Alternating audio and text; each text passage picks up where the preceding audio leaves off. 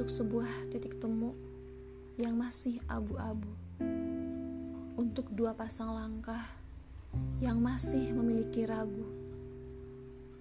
Lafalkanlah doa paling dalam tentang harapan penyatuan dengan seseorang yang lekat pada ketaatan.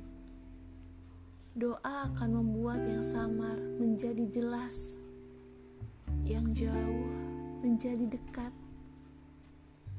Keyakinan itu akan tumbuh subur bahwa tak akan ada penyesalan bagi dua orang yang saling mencintai dalam ruang.